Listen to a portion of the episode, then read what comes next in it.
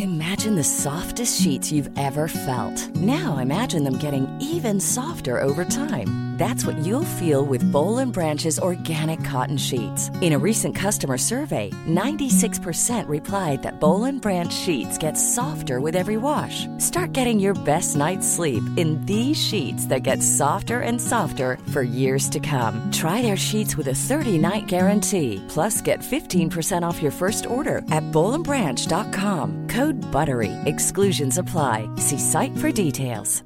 Life is full of awesome what ifs, and some not so much, like unexpected medical costs. That's why United Healthcare provides Health Protector Guard fixed indemnity insurance plans to supplement your primary plan and help manage out of pocket costs. Learn more at uh1.com.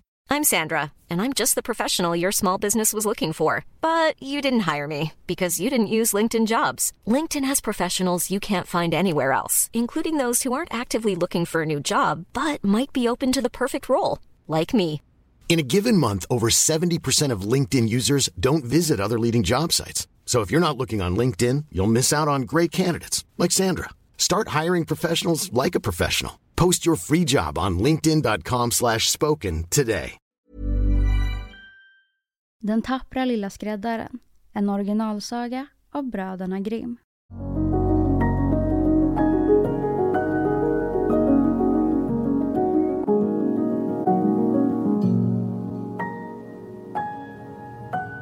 Hej! Innan sagan börjar vill vi bara säga att vi finns på Patreon. Ni får jättegärna gå in där och stödja oss. Nu börjar sagan. En vacker sommarmorgon satt en liten skräddare på sitt bord vid fönstret och var vid gott humör och sydde för brinnande livet. Då kom en bondgumma gående gatan fram. Hon ropade Läckert fruktmos till salu! Läckert fruktmos till salu! Det där lät lockande tyckte den lilla skräddaren. Han stack ut huvudknoppen genom fönstret och ropade. Hör hit kära mor, här ska ni få avsättning för era varor. Gumman knogade med sina tunga korgar uppför de tre trapporna till skräddaren och måste plocka upp och visa honom varenda burk. Han synade dem noga, lyfte upp dem, luktade på dem och sa till slut. Moset tycks vara bra. Väg upp fyra lod åt mig, kära mor. Och skulle det också råka bli en kvarts skålpund så må det vara hänt. Gumman, som hade hoppats på att få sälja mycket, gav honom vad han ville ha men gick sin väg misslynt och knotande. Nå Gud välsigna moset, utbrast den lilla skräddaren. Det här kommer att ge mig kraft och styrka. Han tog fram brödet ur skåpet, skar av en skiva tvärs över bullen och bredde fruktmoset på den. Det här kommer inte att smaka dåligt, sa han. Men först ska jag ha tröjan färdig innan jag börjar äta. Han lade smörgåsen bredvid sig och sydde i glädjen allt längre och längre stygn. Doften av den söta fruktmoset steg emellertid uppåt väggen där det fanns en massa flugor så att det lockades ned och satte sig hoptals på brödet. Nej men se, vem har bjudit er hit? sa skräddaren och schasade iväg de obädda gästerna. Men flugorna förstod inte svenska och lät inte avspisa sig utan kom tillbaka i all större och större sällskap. Till slut rann sinnet på den lilla skräddaren. Han sträckte förgrymmad ut handen efter en tygtrasa. Vänta så ska jag ge er! Och drängde till dem helt obarmhärtigt med den. När han tog tillbaka trasan och räknade efter låg inte mindre än sju styckna framför honom och sträckte benen i vädret. Tänk att jag är en sådan dunderkar, sade han och måste själv beundra sin tapperhet. Det här bör hela staden få reda på. Och i all hast klippte den lilla skräddaren till ett bälte åt sig, sydde ihop det och broderade utanpå med stora bokstäver. Sju i en smäll. Vad är det jag pratar om om staden? Fortsatte han för sig själv. Nej, hela världen ska få veta det här. Och hans hjärta hoppade av förtjusning likt svansstumpen på en lammunge. Sedan satte skräddaren bältet om livet på sig och beslöt att ge sig ut i den stora världen eftersom att han numera tyckte att verkstaden var för trång för en tapperhet så stor som hans. Innan han begav sig iväg sökte han igenom rummet för att se om där inte fanns något som han skulle kunna ta med sig. Men han fann ingenting annat än en gammal ostbit och den stoppade han på sig. Utanför porten fick han syn på en fågel som satt fast i ett snår och den fick göra osten sällskap ned i fickan. Nu trampade han helt tappert vägen under sina fötter och eftersom att han var liten och lätt kände han ingen trötthet. Vägen förde honom upp på ett berg och när han hade kommit upp på den högsta toppen satt där en väldig jätte och tittade sig omkring. Den lilla skräddaren gick helt orädd fram till honom, tilltalade honom och sa God dag kamrat! Här sitter du visst och håller utkik på vida världen runt omkring. Jag är just på väg ditåt för att söka min lycka. Har du lust att göra mig sällskap? Jätten kastade en föraktfull blick på skräddaren och sa Din krake! Din pnuttefnask! Pyttsan! svarade skräddaren, knäppte upp rocken och visade bältet för jätten. Där kan du själv läsa. Vad jag är en för stor kar. Jätten läste sju i en smäll. Och han trodde att det var människor som skräddaren hade dräpt och fick en smula mer respekt för den lille mannen. Men först vill han pröva honom. Tog därför en sten i handen och klämde ihop den så att vattnet dröp om den. Gör efter det om du kan, sa jätten. Var inte värre än så, sa skräddaren. Det där är en baggis för en sådan som jag. Stack handen i fickan, tog upp den mjuka osten och klämde ihop den så att vasslan rann ur den. Jätten visste inte vad han skulle säga för så pass mycket hade han ändå inte trott om den lilla mannen. Då tog jätten upp en sten och kastade den så högt att man knappt kunde följa den med blicken. Nå, din lilla tuppkyckling, gör efter det. Bra kastat, sa skräddaren. Men hur det var så föll din sten ändå till sist tillbaka ner på marken. Nu ska jag visa dig att jag kan kasta en så högt att den alls inte kommer komma tillbaka. Han stack handen ner i fickan, grep fågeln och slungade upp den i luften. Fågeln steg uppåt, glad över sin frihet, flög sin kos och kom inte tillbaka. Vad tyckte du om det kastet, kamrat? Frågade skräddaren. Mm, kasta kan du nog, sa jätten. Men nu ska vi se om du duger till att bära något också. Han förde skräddaren till en väldig ek som hade blivit fälld till marken och sa Om du är stark nog så hjälp mig att bära ut det här trädet ur skogen. Gärna, svarade den lille mannen. Ta du bara stammen på axeln så ska jag lyfta upp och bära toppen med alla grenarna. Det är ju där det är som tyngst. Jätten lade stammen på axeln. Men skräddaren satte sig på en gren och jätten, som inte kunde se sig om, måste släpa på hela trädet och den lilla skräddaren på köpet.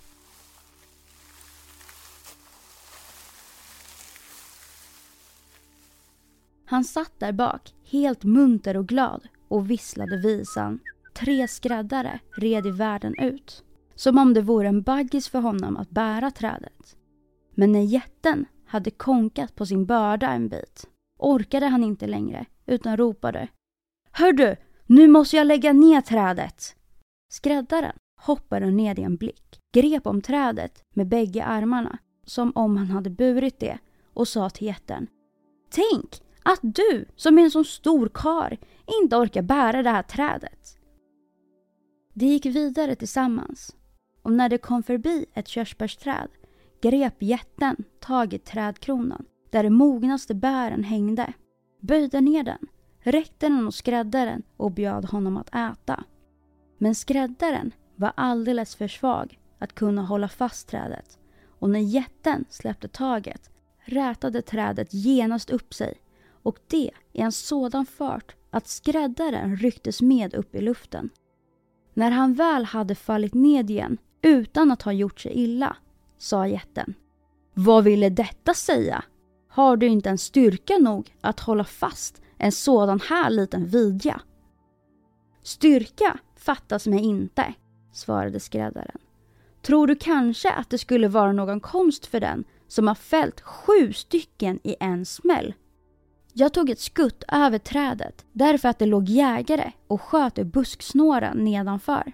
Gör efter det om du kan. Jätten gjorde ett försök men lyckades inte komma över trädet utan blev hängande i grenarna så att skräddaren också denna gång visade sig som hans överman. Jätten sa Om du är en sån tapper kar så följ med mig hem till våran håla och övernatta hos oss.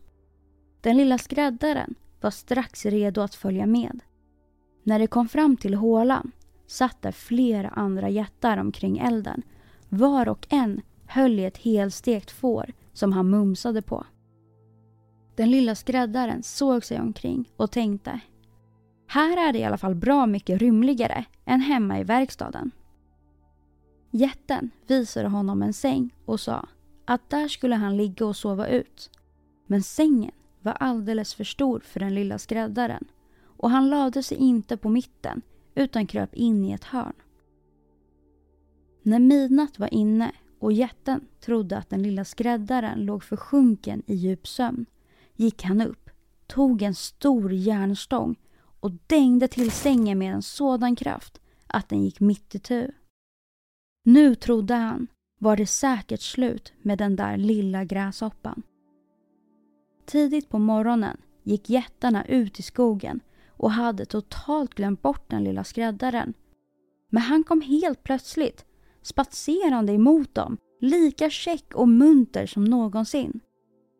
Då blev jättarna förskräckta för de trodde att han ämnade att slå ihjäl dem allesammans och sprang sin väg allt vad tygen höll.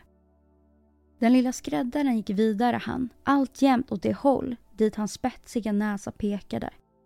När han hade vandrat både länge och väl kom han in på en borggård i en kunglig palats. Och eftersom att han kände sig så trött lade han sig ner på gräsvallen och somnade. Medan han låg där kom det folk och beskådade honom från alla håll. De läste på hans bälte. Sju i en smäll. Ack, sa de till varandra. Vad kan väl en sådan krigshjälte ha för ärende här, mitt i freden? Det måste vara en mycket mäktig herre. De gick iväg och anmälde det för konungen och tycker allesammans att en sådan person i händelse av krig skulle vara av största vikt och värde och att man därför inte för någon pris borde släppa honom ifrån sig. Detta råd behagade konungen och han skickade ned en av sina hovherrar till den lilla skräddaren för att passa på när denne vaknade och erbjuda honom att träda i krigstjänst. Hovmännen ställde sig på vakt bredvid den sovande, väntade tills denne sträckte på armarna och ben och slog upp ögonen och framförde därpå sitt uppdrag. Det är just därför som jag har kommit hit, svarade skräddaren. Jag är redo att träda i konungens tjänst. Då blev han mottagen med stora hedersbetygelser och fick en präktig bostad upplåten åt sig. Men konungens krigsfolk kände sig arga på den lilla skräddaren och önskade honom dit pepparn växer. Hur ska detta sluta? sade de sinsemellan. Om vi skulle råka i gräl med honom och han slår till så faller sju av oss för varje smäll. Då kan ju ingen hålla stånd. De fattade alltså ett gemensamt beslut, begav sig i samlad trupp till kungen och anhöll om avsked. Vi är inte så skapta, sa de, att vi kan härda ut tillsammans med en kar som fäller sju stycken i taget. Kungen blev bedrövad över att han för denne enda skull måste mista alla sina trogna tjänare och han önskade att främlingen aldrig hade kommit inför hans ögon och skulle gärna ha sett att han åter blivit av med honom.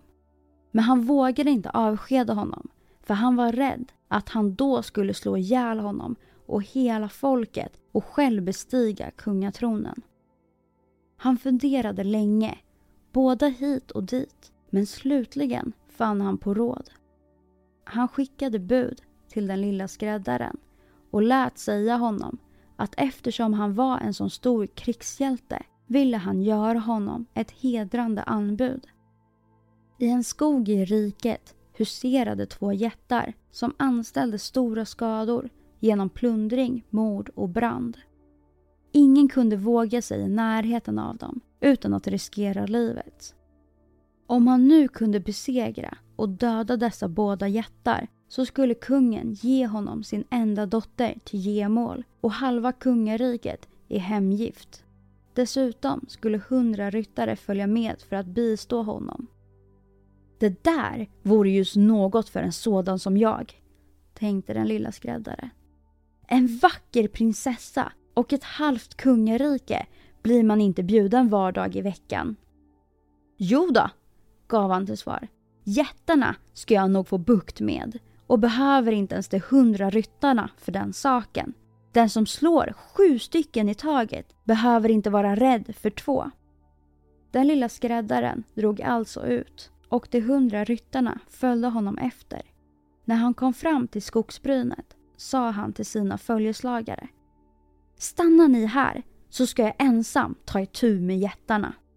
Därpå kilade han in i skogen och såg sig omkring åt höger och vänster. Efter en stund fick han syn på de bägge jättarna. De låg och sov under ett träd och snarkade så, så att grenarna vajade av och an. Den lilla skräddaren var inte sen att plocka båda fickorna fulla med stenar och klättrade sedan upp i trädet. När han hade hunnit halvvägs upp kravlade han sig ut på en gren tills han kom att sitta rakt ovanför de sovande och släppte sedan ned den ena stenen efter den andra på bröstet på den ena jätten. Det dröjde länge innan jätten märkte något men slutligen vaknade han, knuffade till sin kamrat och sa Varför slår du mig? Du drömmer, svarade den andra. Jag har inte slagit dig. De lade sig åter ned för att sova men då kastade skräddaren ned en sten på den andra. Vad vill det säga? ropade den andra. Varför kastar du på mig? Jag kastar ingenting, svarade den första vresigt. De grälade en liten stund om saken. Men eftersom de var så sömniga lät de udda vara jämnt och deras ögon föll åter ihop. Nu började den lilla skräddaren sin lek på nytt, plockade fram sin största sten och kastade den så hårt han orkade i bröstet på den första jätten. Nej, det här har gått för långt! skrek den, rusade upp som en galning och knuffade sin kamrat mot trädet så att den skakade. Den andra betalade med samma mynt och det råkade i ett sådant raseri att de ryckte upp trädet med rötterna och dängde på varandra tills de slutligen båda på en gång föll döda till marken. Nu hoppade skräddaren ner. Det var då tur, sa han, att det inte ryckte upp trädet där jag satt för då hade jag varit tvungen att skutta som en ekorre upp i ett annat. Men folk av min sort är ju så kvicka i benen. Han drog sitt svärd och gav vardera jätte ett par duktiga hugg i bröstet. Därpå gick han ut till ryttarna och sa Nu har jag utfört mitt värv och gjort kål på båda två. Hett gick det till, för i sin nöd ryckte de upp träd och försvarade sig med. Men ingenting hjälper ju när det kommer till en sådan som jag som slår sju i taget. Och du är inte ens sårad? frågade ryttarna. Ingen fara, svarade skräddaren. Det har inte krökt ett hår på mitt huvud. Ryttarna kunde inte tro att något sådant var möjligt och red in i skogen. Där fann de jättarna som badade i sitt blod och runt omkring låg de uppryckta träden. Den lilla skräddaren krävde nu konungen på den utlovade belöningen. Men denna ångrade sitt löfte och började på nytt grubbla över hur han skulle kunna göra sig kvitt med den besvärliga hjälten. Innan du får min dotter och halva riket, sa han till honom, så måste du utföra ännu en hjältebragd. I skogen springer en enhörning omkring och vrålar stor förödelse. Och honom måste du först fånga. Skräddaren svarade. Jag är ännu mindre rädd för en enhörning än för två jättar. Sju i en smäll, det är vad jag är van vid.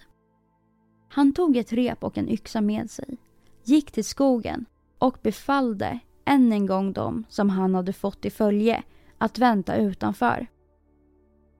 Han behövde inte söka längre för enhörningen kom snart fram och rusade rakt på skräddaren som om han utan vidare ämnade spetsa honom på hornet. Sakta i backarna, sa skräddaren. Så fort går det inte. Stod kvar och väntade tills djuret var alldeles inpå honom och hoppade därpå vikt och behändigt bakom trädet. Enhörningen rusade i full fart emot trädet och körde hornet så djupt in i stammen att han inte förrådde dra ut den igen. Och så var han fången. Nu har jag fågeln i snaran, sa skräddaren. Gick fram bakom trädet, lade först repet om halsen på enhörningen och högg sedan med yxan lös hornet ur trädstammen. När allt var klart ledde han sedan djuret med sig och förde det till kungen. Men kungen ville ännu inte släppa till den utlovande belöningen utan uppställde ett tredje villkor. Före bröllopet måste skräddaren först fånga ett vildsvin som gjorde stor skada i skogen. Kungens jägare skulle få hjälpa till. Gärna det, sa skräddaren. Det är ju en barnlek. Han tog inte ens med sig jägarna ut i skogen och den saken var de högst belåtna med. För vildsvinet hade redan vid flera tillfällen gett dem ett sådant mottagande att de ingalunda hade någon lust att ta del i jakten. När vildsvinet fick syn på skräddaren rusade på honom med fradga om munnen och blottade huggtänderna för att kasta honom till marken. Men den lättfotade hjälten hoppade in i ett litet kapell som stod i närheten och fortsatte sedan i ett enda språng ut genom fönstret igen. Vildsvinet hade rusat in efter honom men han sprang yttervägen och slog igen dörren om det rasande vilddjuret som var alldeles för tungt och klumpigt för att kunna hoppa ut genom fönstret. Den lilla skräddaren kallade nu till sig jägarna som måste se fångsten med egna ögon. Men själv begav sig hjälten till kungen och denne var nu alldeles tvungen att hålla sitt löfte, antingen han ville eller ej, och skänka honom sin dotter och halva kungariket. Hade han vetat att det inte var någon krigshjälte utan bara en liten skräddare som stod inför honom så hade det gått honom ännu mer till sinnes. Nu firades alltså bröllopet med mycket ståt och föga glädje och skräddaren var gjord till konung. Någon tid därefter hörde den unga drottningen en natt hur hennes gemål talade i sömnen och sa Hörru pojk, vill du strax sy tröjan färdigt och lappa byxorna annars så ska jag rappa dig med alnen. Då begrep hon vad han var för ull, beklagade sig följande morgon för sin far och bad honom ordna så att hon blev kvitt denna man som inte var något annat än en skräddare. Kungen tröstade henne och sa Låt din sängkammare stå öppen i natt så ska mina tjänare stå utanför och komma in sedan när han har somnat, binda honom och bära ut honom på ett skepp som för honom långt bort i världen. Detta gjorde henne nöjd igen. Men kungens vapendragare, som hade hört alltsammans, var vänligt sinnade mot den unga härskaren och röjde hela anslaget för honom. Det där ska vi nog bli två om, sa den lilla skräddaren. Nästa kväll gick han till sängs i vanlig tid. När hans hustru trodde att han hade somnat smög hon upp, öppnade dörren och la sig åter. Den lilla skräddaren, som bara låtsades sova, började ropa med ljudlig röst. Hör du pojk! Vill du strax sy tröjan färdigt och lappa byxorna? Annars ska jag rappa på dig med alnen. Jag har dräpt sju styckna i en smäll, dödat två jättar, lett en enhörning i band och fångat ett vildsvin. Skulle jag då vara rädd för den som står utanför sängkammardörren. Men när dessa fick höra skräddaren tala så blev de högligen förfärade och sprang som om de haft den vilda jakten i hälarna på sig. Och det var ingen mera som vågade sig på honom. Sålunda fick den lilla skräddaren förbli kung till döda dagar. Ready to start talking to your kids about financial literacy? Meet Greenlight, the debit card and money app that teaches kids and teens how to earn, save, spend wisely, and invest with your guardrails in place. Parents can send instant money transfers, automate allowance, and more. Plus, keep an eye on spending with real time notifications. Join more than 6 million parents and kids building healthy financial habits together on Greenlight. Get your first month free at greenlight.com slash ACAST. That's greenlight.com slash ACAST. Many of us have those stubborn pounds that seem impossible to lose, no matter how good we eat or how hard we work out. My solution is PlushCare. PlushCare is a leading telehealth provider with doctors who are there for you day and night to partner with you in your weight loss journey. They can prescribe FDA-approved weight loss medications like Wagovi and Zepbound for those who qualify. Plus, they accept most insurance plans. To get started, visit plushcare.com slash weight loss. That's plushcare.com slash weight loss.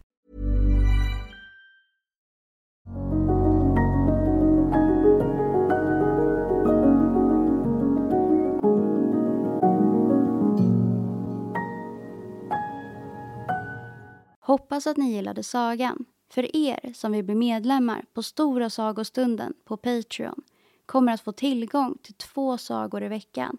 Men vi kommer även att finnas kvar på gratisplattformarna med en saga i veckan. Tack för att ni lyssnade. Ha det bra! Hi, this is Kristen. And this is Jen from My Mom So Hard. And we're here to talk about By Heart. Do you remember when you were nursing and you were like, I want to give the best thing I can to my baby? Well, we've got that for you. It's called By Heart, and it is a infant nutrition company built from the ground up to deliver real innovation on behalf of babies and parents. Curious about By Heart? Redeem your welcome offer at byheart.com slash podcast with code MOMS20 for a limited time. Additional terms and conditions apply. Tell them my mom so hard sent you.